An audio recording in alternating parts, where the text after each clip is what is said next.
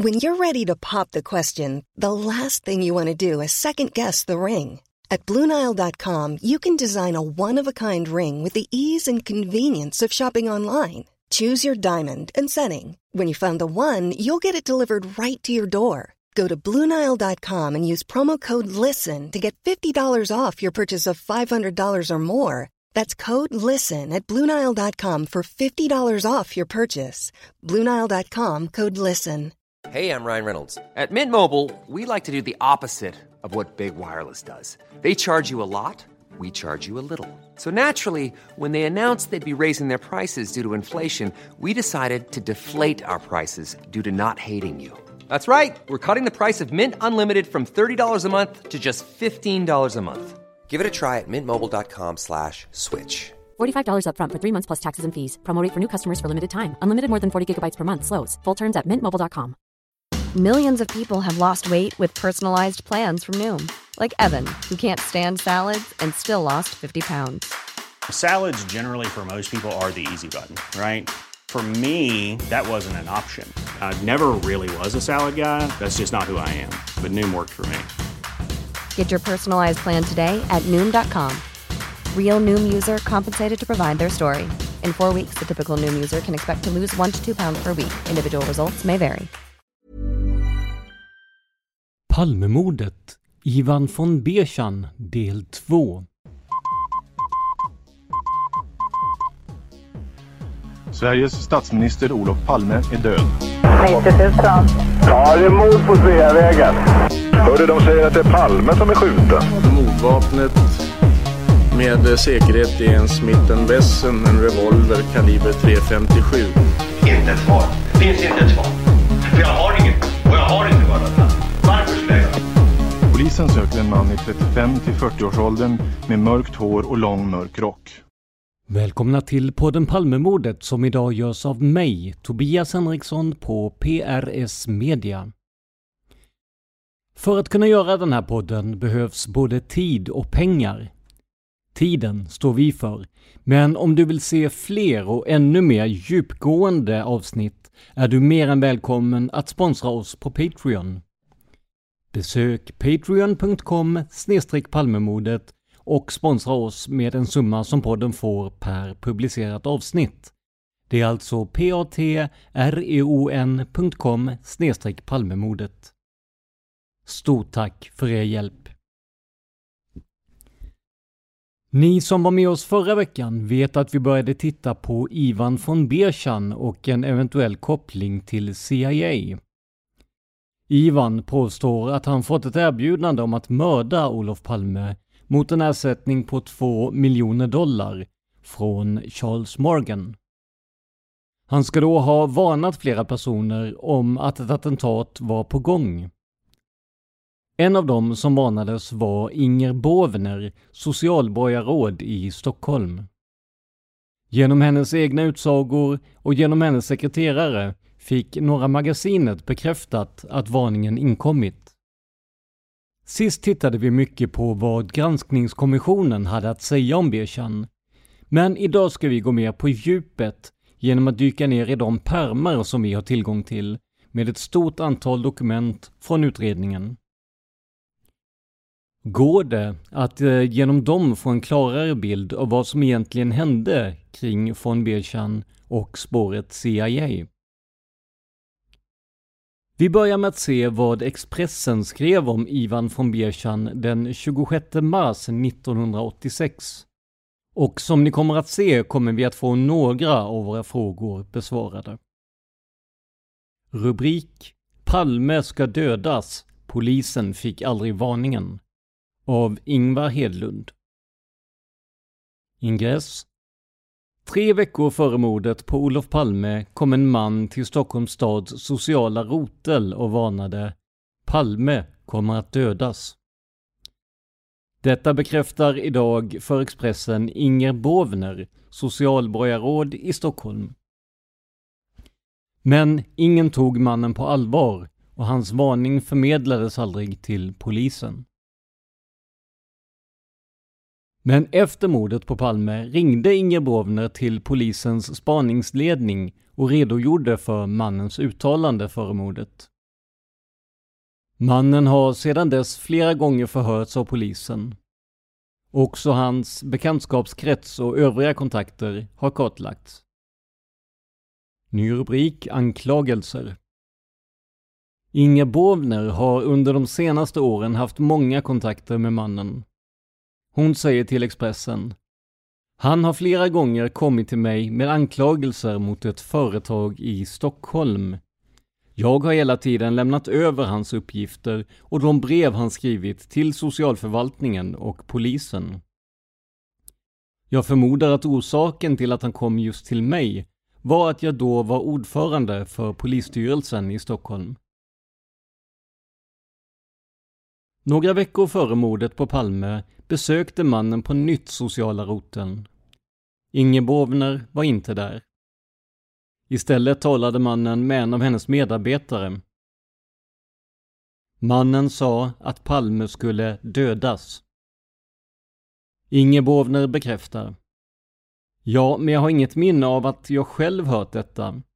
Men mina medarbetare har sagt att han varit uppe på roteln och pratat om att Palme skulle mördas. Tjänstemännen trodde inte på mannen och tog därför ingen kontakt med polisen. Bovner. Eftersom han under sina besök hos oss har presenterat ett virvar av anklagelser, främst mot företaget, fästes inget avseende vid hans uttalande om Palme. Efter mordet på Palme besökte mannen åter sociala roteln och träffade Inge Bovner. Hon säger jag uppmanade honom då att gå till polisen och så ringde jag själv till polisen och berättade vad mannen tidigare hade sagt. Jag vet också att polisen nu har förhört den personal hos oss som i vårt ärende hade kontakt med mannen. Ny rubrik bekräftar. Säkerhetspolisen bekräftar för Expressen att mannen har förhörts och att hans bekantskapskrets har kartlagts. En chef inom Säpo säger Vi känner till den här personen. Han brukar ringa oss då och då. En källa inom Rikskriminalen säger till Expressen Mannen är svår att bedöma. Vissa uppgifter som han givit om sig själv är fantasifulla.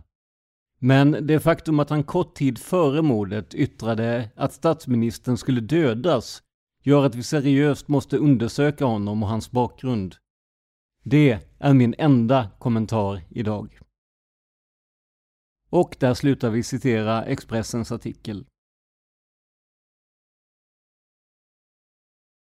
Så här får vi lite mer information än i förra avsnittet.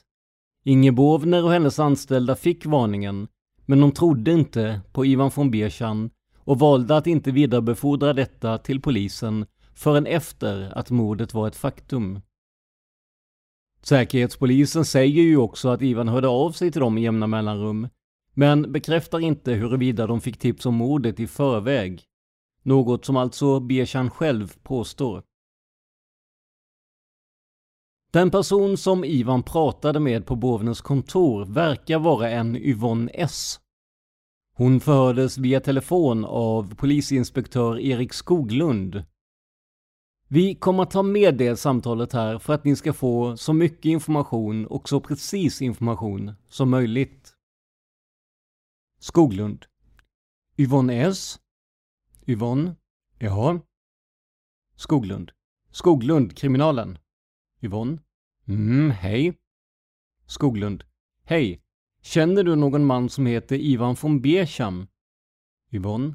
Jag känner honom inte. Skoglund. Nej. Yvonne. Men jag har pratat med honom. Skoglund. Han säger till mig att han i januari månad, eller kanske början på februari, var i kontakt med dig. Yvonne. Ja. Skoglund. Du kanske till och med har ringt upp honom? Yvonne. Ja, det gjorde jag för inte så länge sedan. Skoglund. Ja, det gäller alltså Palme. Yvonne. Ja. Skoglund. Har han pratat med dig om Palme? Yvonne. Nej, det gjorde han inte. Skoglund. Vad pratade ni om då? Var det de här eh, Sheraton-papperna? Yvonne. Ja, precis. Han har varit, eh, dels har han varit här uppe flera gånger. Skoglund. Ja, det vet jag. Yvonne. Eh, då har inte jag haft någon direkt kontakt med honom direkt, men eh, sedan har han tydligen ringt eller om han varit uppe och lämnat papper om Sheraton. Skoglund. Ja, men han säger också så här till mig att han har talat om för någon hos er att Palme skulle likvideras och eh, det har han sagt i ett tidigt skede. Yvonne? Mm. Jag vet att jag blev uppmanad att ringa upp honom eftersom han... Eh, ja, vi kunde liksom inte hjälpa dem i den här biten med Sheraton va? Skoglund? Nej. Yvonne? Utan då blev jag ombedd att ringa upp honom och... Eh, ja, mer eller mindre då för att tala om det för honom. Skoglund? Mm. Yvonne? Utan att be honom att hänvisa... Alltså jag hänvisade honom till de mer rätta instanserna då ja. Skoglund? Mm. Yvonne? Och då pratar han rätt länge med mig om det här och jag kan ju inte göra så mycket mer än att lyssna då va.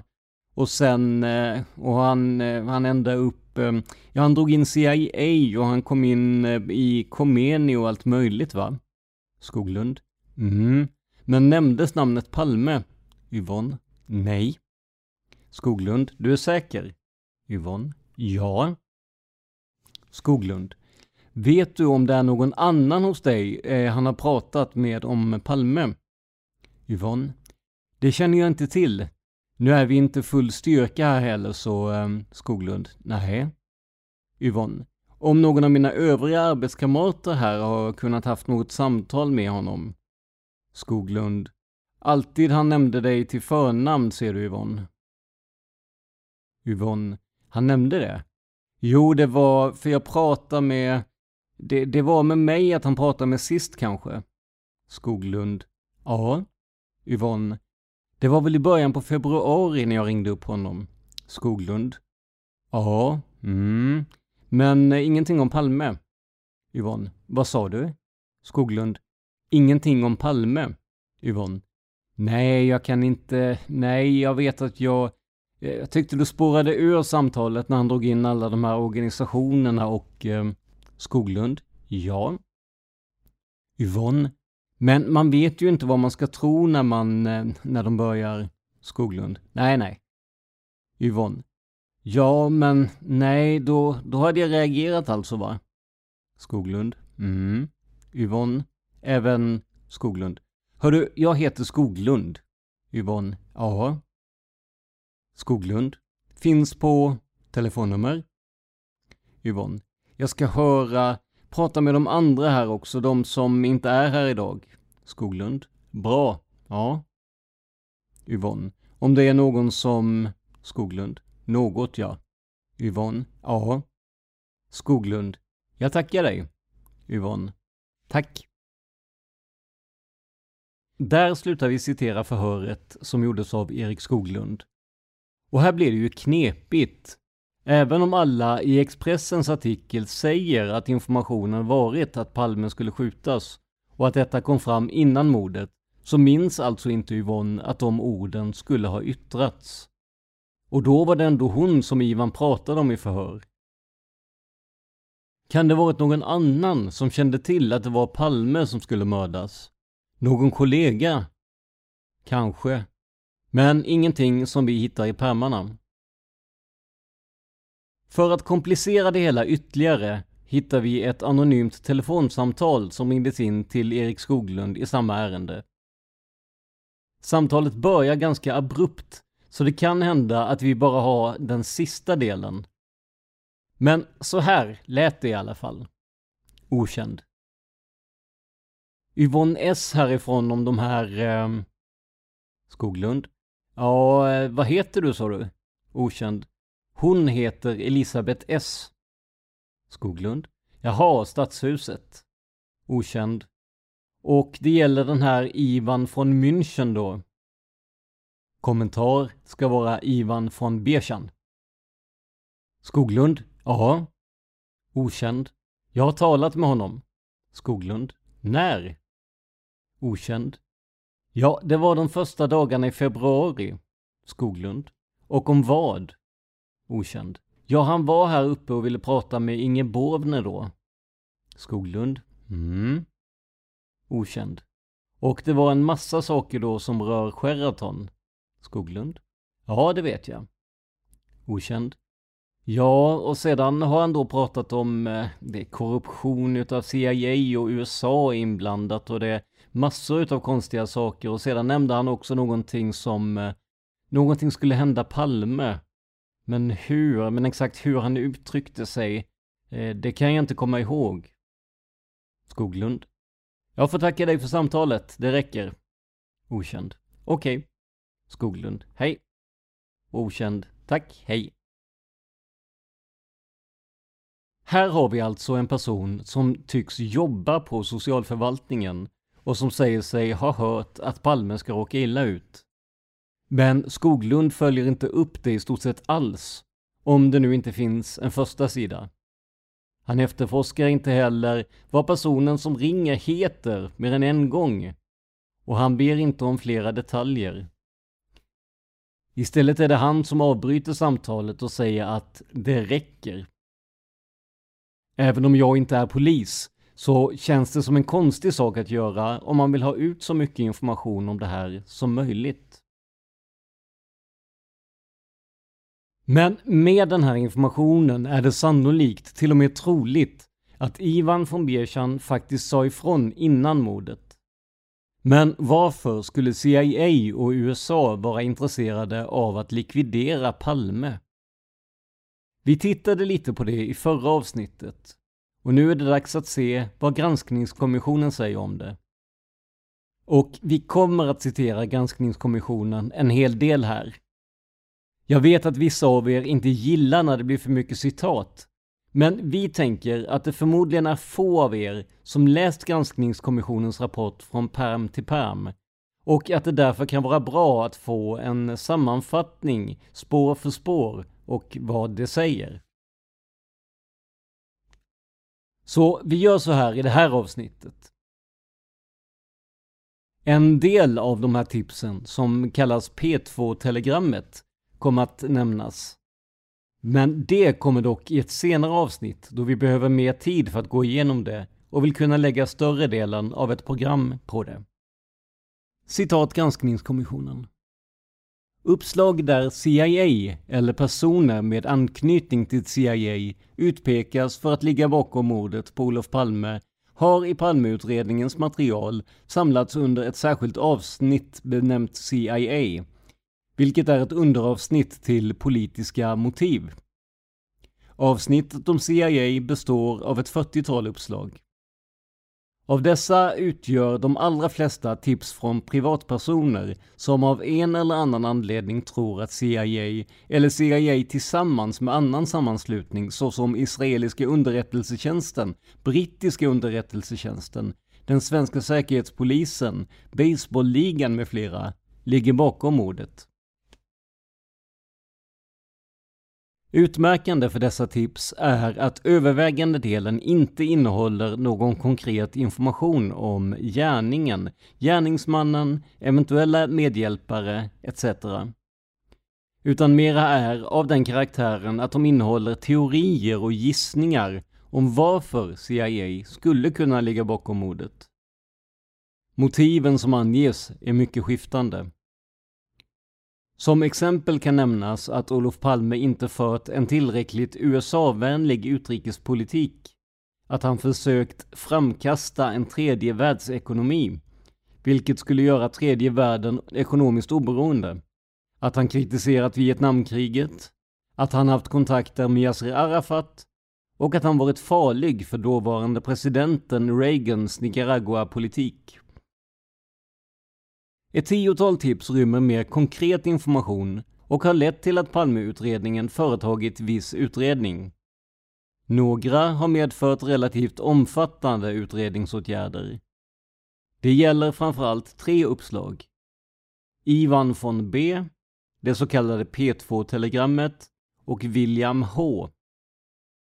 Merparten uppslag, ett 30-tal, har knappast föranlett någon utredning alls eftersom tipsen är av det slag som inte går att följa upp, det vill säga det rör sig om rena spekulationer eller lösa hypoteser. Första tipset. Det första tipset var i en person som skulle vara knuten till CIA pekades ut för att ligga bakom mordet inkom till Palmeutredningen så tidigt som den 2 mars 1986. En anonym uppgiftslämnare uppgav att en i Saltsjöbaden boende kines kallad Chong, eller något i den stilen, och som tidigare skulle ha varit CIA-agent i Singapore, kunde vara gärningsmannen. Chong rörde sig, enligt uppgiftslämnaren, med gott om pengar, trots att han inte verkade arbeta. Palmeutredningen gjorde i april samma år försök att genom registerslagning identifiera den utpekade personen, men lyckades inte. Tommy J. Efter detta första tips inkom dagarna efter mordet ytterligare uppgifter som anknöt till CIA. Den 5 mars kontaktades Palmeutredningen av Sundsvallspolisen som fått ett telefonsamtal från en man, Tommy J. Denne hade sagt att han visste vem mördaren var, men att han inte tänkte berätta det, eftersom han ansåg att belöningen var för liten. Vid ett uppföljande telefonsamtal samma dag berättade Tommy J att det varit två gärningsmän som begått mordet. Den ene skulle heta Shevchenko och vara ryss med amerikanskt medborgarskap. Gärningsmännen skulle vara utsända av den sovjetiska underrättelsetjänsten GRU. CIA skulle betala dem 700 000 amerikanska dollar för mordet. Enligt Tommy J skulle de färdas i en blå Toyota och de skulle finnas kvar i Sverige någonstans på västkusten. Följande dag förhördes Tommy J av Säkerhetspolisen. Av en promemoria över förhöret framgår att Tommy J vid tillfället var intagen på Sidsjöns sjukhus, en psykiatrisk klinik. Vid förhöret ändrade han sina tidigare uppgifter om betalningens storlek. Han uppgav bland annat att den så kallade fantombilden föreställde Shevchenko och att denna använt sig av en revolver kallad Undercover 38 SPL. Kommentar förmodligen special, slutkommentar. Vidare uppgav han att han redan 1984 träffat Shevchenko, varefter han själv skaffat information om denne. Denna information hade han lämnat till Säkerhetspolisen sommaren 1985 och han hade därefter blivit misshandlad av torpeder. Efter en kontroll visade det sig att varken Tommy J eller Tjevtjenko var kända hos Säkerhetspolisen. Uppslaget lades ad acta. 1987 respektive 1988 Many of us have those stubborn pounds that seem impossible to lose, no matter how good we eat or how hard we work out. My solution is PlushCare. PlushCare is a leading telehealth provider with doctors who are there for you day and night to partner with you in your weight loss journey. They can prescribe FDA-approved weight loss medications like Wagovi and Zepbound for those who qualify. Plus, they accept most insurance plans. To get started, visit plushcare.com slash weight loss. That's plushcare.com slash weight loss. I'm Sandra, and I'm just the professional your small business was looking for. But you didn't hire me because you didn't use LinkedIn jobs. LinkedIn has professionals you can't find anywhere else, including those who aren't actively looking for a new job, but might be open to the perfect role, like me. In a given month, over 70% of LinkedIn users don't visit other leading job sites. So if you're not looking on LinkedIn, you'll miss out on great candidates like Sandra. Start hiring professionals like a professional. Post your free job on linkedin.com/people slash people today.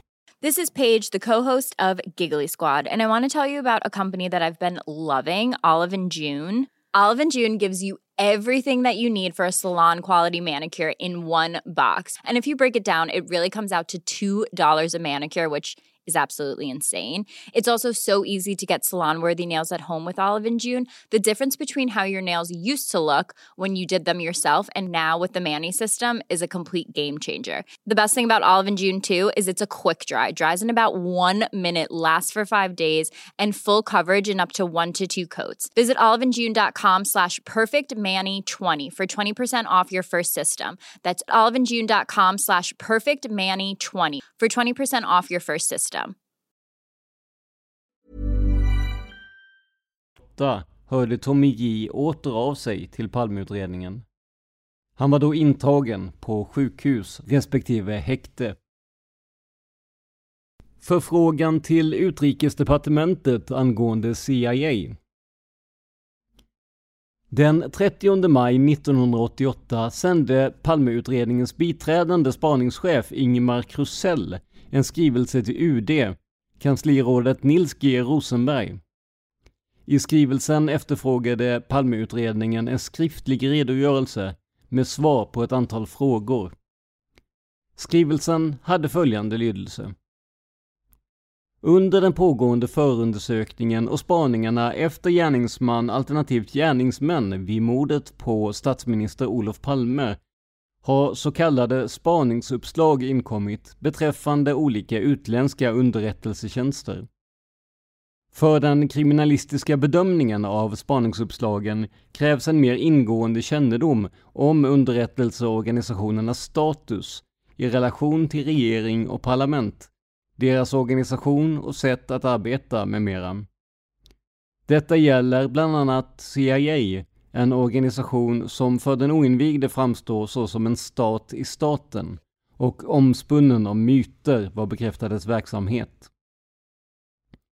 I spaningsunderlaget i mordfallet Olof Palme förekommer det under avsnittet H425 en rad spaningsuppslag i vilka CIA angives på ett eller annat sätt har initierat mordet. Dessa ger mindre anledning till konkreta misstankar utan fastmera till hypotetiska antaganden om möjliga motiv. Det har ifrån det svenska säkerhetspolisens sida, inom parentes RPS SÄK, anförts att det skulle kunna vara till fördel för utredningen i ärendet, belysandet av CIAs verksamhet, om ministern vid svenska ambassaden i Washington lämnade sin syn på organisationen. Åberopande dagens telefonsamtal hemställes om en skriftlig redogörelse såsom svar på följande frågeställningar. 1. Vilken status intager CIA idag i relation till regering och parlament? 2. Har CIA genom konstitution eller eljest tilldelats någon fristående status i exekutivt hänseende i säkerhetsfrågor eller vid utformande av sin policy i politiska frågor? 3. Vilken är CIAs främsta uppgift idag och hur är dess verksamhet organiserad? 4. Hur såg USA på Sverige och svensk politik vid tidpunkten för mordet på statsminister Olof Palme? Inom parentes, frågan ställdes mot bakgrund av de markeringar som gjorts från USAs sida under Vietnamkrigets dagar, hemkallande av ambassadören med mera. Slut parentes. 5. Vilken inriktning kan man presumera att CIA hade för sin verksamhet i Sverige vid mitten av 1980-talet? 6. Fanns det i början av år 1986 någon anledning för USA och dess underrättelseorgan CIA, utifrån en objektiv bedömning, att i personen och politikern Olof Palme se en sådan fara för de egna intressena att ett undanröjande om honom låg nära till hands? 7. Är det i det utrikespolitiska perspektivet frekvent såsom företeelse att stormakternas underrättelseorganisationer undanröjt respektive låtit undanröja för de politiskt obekväma personer i statsledande funktioner? Inom parentes, frågan ställdes utifrån den idag ofta förekommande invändningen att ifrågavarande stormakts goodwillförluster vid uppdagandet av dess underrättelseorganisations gärningsmannaskap är betydligt större än de eventuella fördelar av att personen i fråga undanröjts. Slutparentes. 8. Följdfråga till frågorna 6 och 7.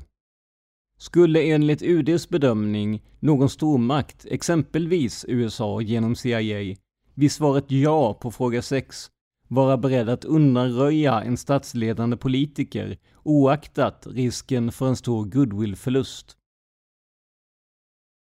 9.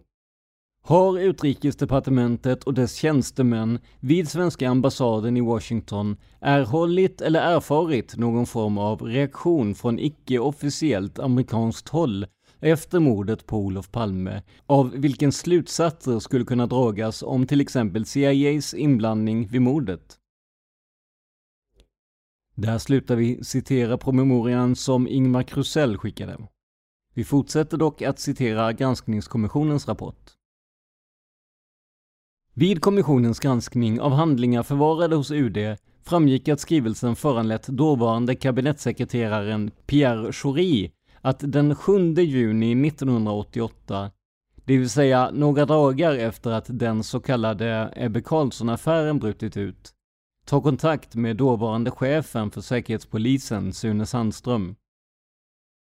Schori framhöll, enligt vad som antecknats hos UD, det tveksamma i beställningen, varefter Schori och Sandström överenskom att skrivelsen skulle lämnas utan avseende. Det finns heller ingen svarsskrivelse på denna förfrågan registrerad i Palmeutredningens material. William H. I juli 1991 kontaktade Mogens E från Danmark Palmeutredningen. Mogens E berättade att han hade en person hos sig, Bill. Bill skulle vara amerikan och ha anknytning till underrättelsetjänsten. Han skulle ha varit involverad i Irangate. Enligt Mogens E skulle Bill ha blivit tillfrågad av journalister om sin kännedom om mordet på Olof Palme. Bill hade dock bestämt sig för att prata med Palmeutredningen först och ville nu bli förhörd i Danmark. Efter en kontakt med polisen i Roskilde samma dag fick denna i uppdrag att fastställa Bills identitet och om möjligt göra en trovärdighetsbedömning av honom. Följande dag hörde Roskildepolisen av sig och meddelade att man sammanträffat med Bill. Denna hade legitimerat sig som amerikanske medborgaren William H. William H hade uppgivit att han blivit häktad och dömd i London i samband med Irangate och Oliver North-affären. Enligt Roskildepolisen hade han gjort ett vederhäftigt och trovärdigt intryck. Härefter bestämdes att Palmeutredningen skulle närvara vid förhör med William H i Roskilde. Förhöret ägde rum i slutet av 1991 och från Sverige närvarade också en utredningsman som arbetade med Boforsaffären. William H berättade bland annat följande. Han hade i januari 1988 fått en förfrågan från svensk TV om han ville hjälpa till att få fram sanningen om Robot 70 i Iran. Han visste inte hur hans namn blivit känt i sammanhanget. Därefter hade han fått flera förfrågningar om han ville medverka i intervjuer, vilket han avböjt. William H uppgav att han tidigare hade varit militär med överstes rang.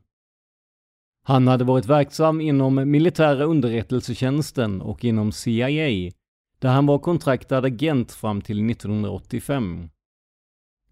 Hans arbetsuppgift hade företrädesvis bestått i att skaffa fram information om vad andra länder hade för slags vapenarsenal. Detta hade lett honom in i vapenhandeln och i slutet av 60-talet hade han under tre år varit biträdande militärattaché i Iran. Under denna tid hade han lärt känna många iranska affärsmän.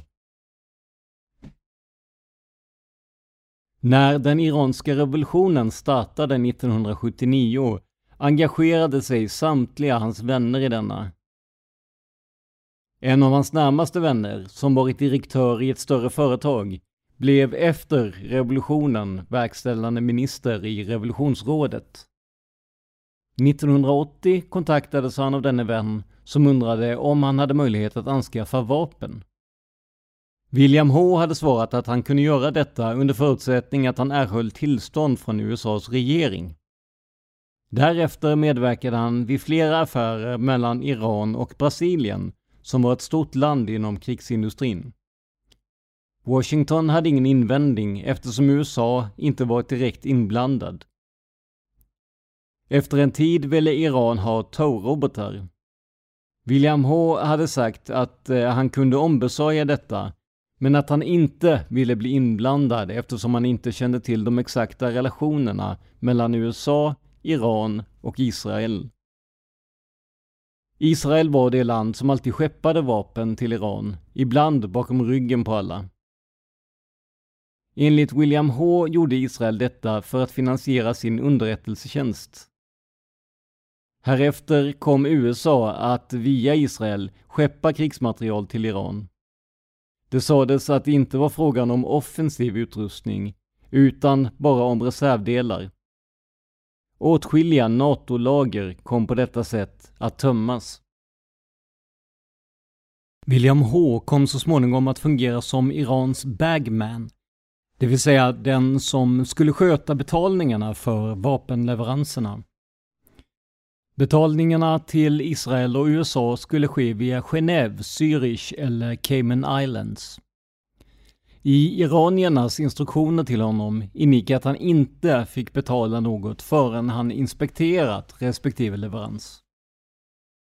Vid en inspektion av en leverans som skulle ske i mars 1985 omfattande 2000 Tor-robotar visade det sig att varorna från USA var försenade. Israel ville trots detta ha betalt. I anledning härav mötte William H vid flera tillfällen premiärministern Simon Peres särskilde rådgivare, en högt uppsatt person inom den israeliska säkerhetstjänsten. Vid ett tillfälle hade denne sagt att USA och Israel aldrig skulle acceptera att något annat NATO-land eller Sverige skulle sälja vapen till Iran utan i så fall skulle de göra allt för att stoppa detta. Enligt William H hade en stor vapenspion i Europa redan under 1984 tecknat ett avtal med Bofors om försäljning av 10 batterier Robot 70 till Iran. Leveransen skulle gå via Sydkorea och William H hade själv sett avtalet. Det fanns dessutom ett signerat kontrakt mellan Sverige och Iran om försäljning av 150 fälthaubitsar. William H uppgav vidare att han i maj 1985 hade arresterats i London eftersom man i hans hotellrum hittat 300 000 till 400 000 förfalskade sedlar. Det framgår inte i vilken valuta. Sedlarna hittades vid en husrannsakan och hela händelsen var, enligt William H, iscensatt av CIA i samarbete med MI5 och MI6 i syfte att få bort honom. William H dömdes till 22 månaders fängelse. Han fick kännedom om mordet på Olof Palme först efter flera månader och han tänkte direkt att detta var ett verk av CIA och den israeliska underrättelsetjänsten eftersom Sverige genom Bofors levererat vapen till Iran. Efter fängelsevistelsen sändes han till en camp i USA. Han frigavs i september 1989. Härefter hade han fått uppgifter om Palmemordet. Orden om att Olof Palme skulle mördas kom troligen från Washington. CIA gav i augusti-september 1985 israeliska underrättelsetjänsten i uppdrag att mörda Olof Palme just på grund av Bofors kontrakt med Iran om leverans av 150 fälthaubitsar. Den israeliska underrättelsetjänsten lejde en palestinier för att utföra mordet. Denna person mördades själv strax efter mordet, antingen i Sverige eller i Danmark. Sannolikt var även den svenska underrättelsetjänsten inblandad i mordet eftersom Olof Palme var utan livvakter mordkvällen och någon uppenbarligen känt till att han skulle gå citat på teater slutcitat med sin hustru den kvällen. William H uppgav att han kände till namnen på mördaren och på den som givit denne order om att utföra mordet. Polisen skulle efter förhöret kontakta William Hs ombud i Sverige, advokaten Henning Sjöström, vilken skulle lämna ifrågavarande namn. Efter förhöret med William H, som alltså hölls i juli 1991, började Palmeutredningen arbeta med detta uppslag. Man tog kontakt med Henning Sjöström och fick vissa namnuppgifter, bland annat Ner och Mansoar M, Ingenting sades om vem av dem som var gärningsman respektive den som givit orden. Följande dagar tog William H kontakt med Palmeutredningen vid flera tillfällen. Vid ett tillfälle uppgav han att han varit i kontakt med journalisten Peter S som berättat att Lichio G betraktades som en internationell vapentjuv knuten till maffian. Peter S hade haft en hel akt om Lichio G och det så kallade P2-telegrammet. Enligt William H skulle det redan i augusti 1984 ha träffats avtal om att Olof Palme skulle man ta hand om. Anledningen till att telegrammet var ställt till Philip G var att bokstäverna NIR i omvänd följd finns i Philip Gs efternamn. I telegrammet skulle finnas ytterligare ett kodat meddelande som William H ännu inte lyckats dechiffrera. Ner skulle ha befunnit sig i USA vid tidpunkten för mordet och det skulle således ha varit Mansoir M som var gärningsmannen. Palmeutredningen tog kontakt med Olof Palmes personliga advokat. Denne hade tidigare förhörts och då berättat att Olof Palme strax före mordet talat om att han trodde sig ha funnit en möjlig förhandlingsväg som FNs fredsmäklare i kriget Iran-Irak. Nu tillfrågades advokaten om Olof Palme sagt något ytterligare om detta. Det hade han inte. Palmeutredningen diskuterade också med advokaten, som tillika var ombud för Martin Adbo, direktör på Bofors, om denne kunde tänkas ha någon information i saken. Advokaten kontaktade senare Palmeutredningen och berättade att han sammanträffat med Martin Adbo, som inte hade trott sig kunna tillföra utredningen något. Martin Adbo hade också sagt att uppgifterna om att Fälthaubits 77 och Robot 70 skulle finnas i Iran verkade felaktiga. Under hösten försökte Palmeutredningen identifiera de personer som Henning Sjöström lämnat namn på. För detta ändamål tog Palmeutredningen kontakt med dels Statens invandrarverk, dels Roskildepolisen som i sin tur kontrollerade danska register. I danska register hittades en iranier med namnet Mansour M, som eh, kommit till Danmark i september 1984. Personen hade vistats i Sverige under en period, men bodde nu i Köpenhamn. Ett fotografi av honom skickades över till Palmeutredningen. I ärendet finns en handling daterad den 24 oktober 1991 registrerad. Handlingen, som är ställd till UD, innehåller en kort beskrivning av ärendet och därefter ställs frågor om vem William H är, om uppgifterna angående Londonhistorien är riktiga och om hans uppgifter i övrigt är trovärdiga. Svar på frågan kom via Säkerhetspolisen som uppgav att inget var känt om William H. Sommaren 1992 hörde en anonym person av sig till Palmeutredningen. Denne var mycket initierad i ärendet och uppgav att han personligen var skeptisk till de uppgifter som William H lämnat. William H hade enligt uppgiftslämnaren visat intressen i Sverige och han kunde därför tänkas vilja deala med lämnad information. I augusti samma år fick Palmeutredningen fram en uppgift om att en israelisk regeringsmedlem, Amiram Ner, skulle ha omkommit vid en flygolycka i Mexiko 1988. I april 1993 slutligen kontaktade Robert H från avsnitten Mellanöstern inklusive Israel Palmeutredningen och uppgav att William H var villig att komma till Stockholm och lämna ytterligare upplysningar under förutsättning att Palmeutredningen betalade hans resa. Palmeutredningen avböjde erbjudandet. Kriminalinspektören Roland S, kommentar troligen Roland Stålhamres slutkommentar, som var den utredningsman som sommaren 1991 for till Danmark för att delta i förhör med William H har vid samtal med kommissionen uppgivit att William H var lite av en Ivan-typ. Hans uppgifter saknade trovärdighet. De byggde på spekulationer och påhitt. Och där slutar vi citera granskningskommissionens utlåtande. Här har alltså Ivan von Berchan slagit igenom igen och en person som inte tycks trovärdig avfärdas som en Ivan-typ. Men det fråntar ju inte det faktum att Ivan tipsade om mordet innan det ägde rum. Så kanske borde man inte varit så kategorisk om honom. I kommande avsnitt i den här serien ska vi gå än mer på djupet med CIA och deras eventuella kopplingar till mordet. Palmemordet finns på facebook.com palmemordet. Gå gärna in där och gilla oss och kommentera våra avsnitt. Och som sagt, har ni möjlighet får ni gärna sponsra oss via Patreon på patreon.com palmemordet. Det hjälper oss att kunna ta oss an de kvarvarande stora spåren. Det här avsnittet gjordes av mig, Tobias Henriksson på PRS Media. För mer information om mig och mina projekt besök prsmedia.se eller följ mig på Facebook, facebook.com prsmedia.se.